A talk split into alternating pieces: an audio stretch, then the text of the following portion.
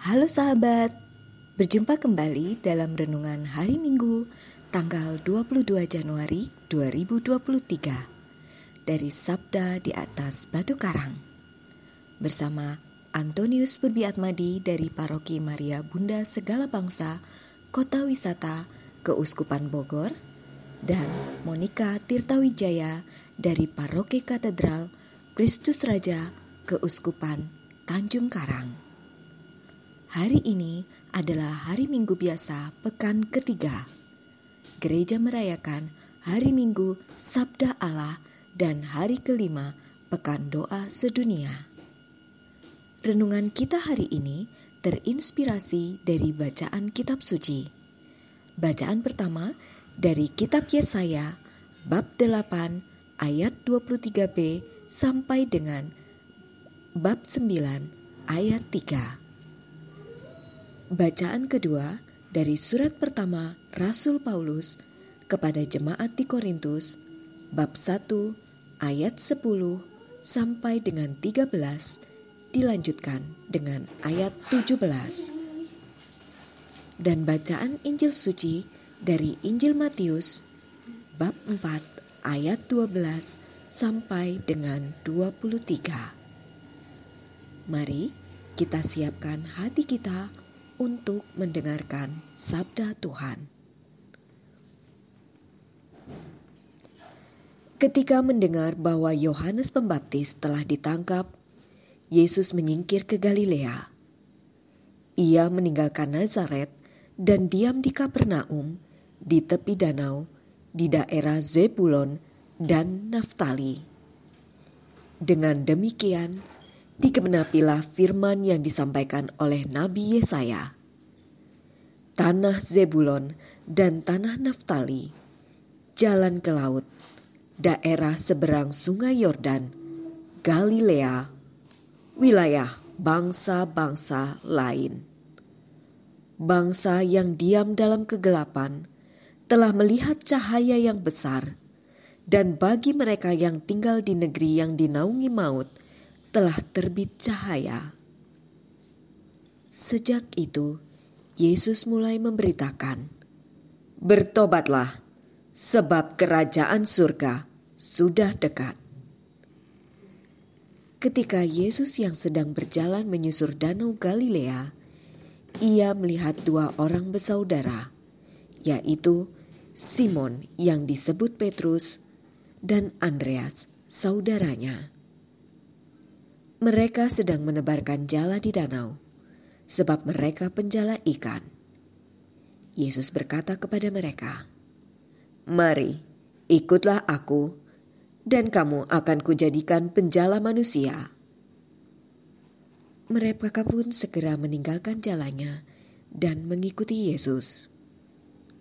Setelah pergi dari sana, Yesus melihat pula dua orang bersaudara dan lain lagi yaitu Yakobus anak Zebedeus dan Yohanes saudaranya bersama ayah mereka Zebedeus. Mereka sedang membereskan jala di dalam perahu. Yesus memanggil mereka dan mereka segera meninggalkan perahu serta ayahnya lalu mengikuti Yesus. Yesus pun berkeliling di seluruh Galilea ia mengajar dalam rumah-rumah ibadat dan memberitakan Injil Kerajaan Surga, serta menyembuhkan orang-orang di antara bangsa itu dari segala penyakit dan kelemahan mereka. Demikianlah sabda Tuhan. Terpujilah Kristus. Saudara-saudari yang terkasih, dalam ajaran iman Gereja Katolik, keselamatan hidup kekal yang Allah tawarkan tidak hanya terbatas bagi bangsa atau kelompok tertentu saja. Siapa pun yang mau masuk dalam kehidupan kekal tentu harus menerima dan mengimani Yesus. Dia adalah terang yang menuntun umat manusia menuju kepada keselamatan kekal. Bacaan-bacaan kitab suci hari ini mengajak kita untuk menanggapi tawaran Allah tentang keselamatan kekal dan mengimani Yesus Sang Terang yang menerangi kegelapan karena keberdosaan. Dialah putra tunggalnya yang diutus ke dunia melaksanakan rencana Allah bagi dunia. Tugas perutusan Yesus itu tidak dilaksanakan sendirian. Ia mengikut sertakan kita sebagai manusia, bukan karena Yesus tidak mampu, tetapi keselamatan kekal itu harus diupayakan juga oleh manusia.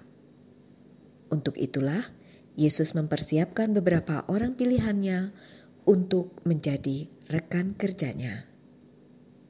Saudara-saudari yang terkasih, bacaan Injil hari ini memperdengarkan tentang Yesus yang merekrut Simon dan Andreas saudaranya, serta Yakobus dan Yohanes untuk menjadi rekan kerjanya. Tugas mereka adalah menyertai Yesus dalam pemberitaan kerajaan surga dan ajakan pertobatan, serta melakukan perbuatan baik bagi banyak orang. Harapannya, kelak para murid akan melanjutkan apa yang telah Yesus lakukan tersebut. Yesus memanggil mereka karena pengalaman dan kemapanan kerja serta kesibukan mereka. Tentu juga karena kesederhanaannya, bukan karena status sosial atau intelektualitas mereka seperti kaum Farisi atau imam-imam kepala. Mereka dipanggil dalam kesibukan pekerjaan mereka dan mereka menanggapi panggilan Tuhan dengan segera. Bagaimana dengan diri kita?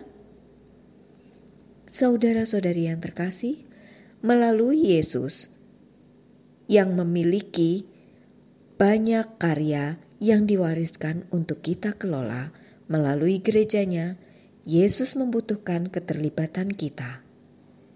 Kita semua dipanggil dan diutus untuk membantunya.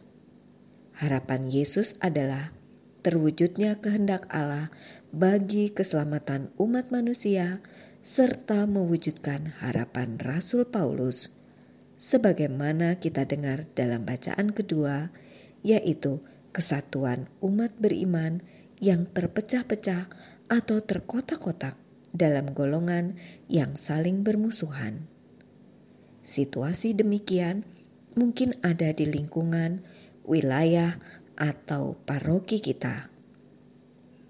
Semoga sabda Tuhan hari ini meneguhkan kembali tugas perutusan kita setelah menerima sakramen baptis. Kita semua diutus untuk membawa terang keselamatan kekal dan kesatuan umat beriman. Dengan aneka latar belakang dan talenta kita masing-masing, kita dipanggil untuk bersatu dan memainkan peranan kita dalam terwujudnya rencana Allah sebagaimana dikatakan oleh Rasul Paulus dalam bacaan kedua, yaitu jemaat yang hidup, rukun, damai, dan keselamatan kekal. Semoga dengan bimbingan Roh Kudus, kita dimampukan untuk menanggapi panggilan Tuhan dan menjalankan tugas perutusan darinya.